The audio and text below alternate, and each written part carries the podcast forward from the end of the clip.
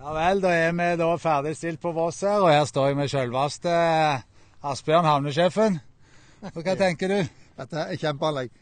Vi er så fornøyd med anlegget. Det, jeg må si det. er et fantastisk anlegg. Og den beliggenheten her, skateparken, aktivitetsparken, det kommer til å bli veldig, eh, brukt veldig mye.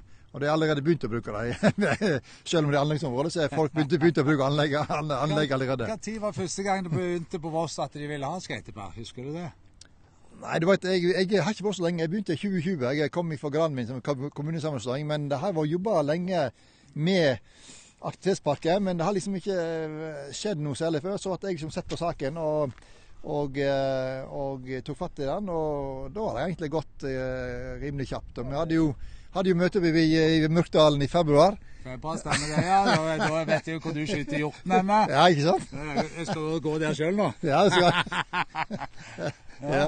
Nei da, så da, så da um, begynte vi. Du hadde, sa du hadde et mål å komme i gang i, i mars. Det fikk du til? Ja, vi gjorde det faktisk. altså. Vi, vi snudde oss rundt rimelig kjapt og fikk eh, på plass byggeløyve. Og, og fikk ordna slik at vi fikk komme i gang i mars. Og Der var vi veldig happy for. for vi det klart, Opprinnelig så så vi dette for oss kanskje da til, til sommeren, etter sommeren skulle begynne. Men eh, når du kom og optimist som du var og skulle begynne i mars, så, eh, så prøvde du å få det til, og det gjorde vi. Det var kjempegreier. Ja, det, det syns jo både vi i Betongpark òg, at vi slapp til nå. For nå står vi jo her, og vi kom til 9. mai.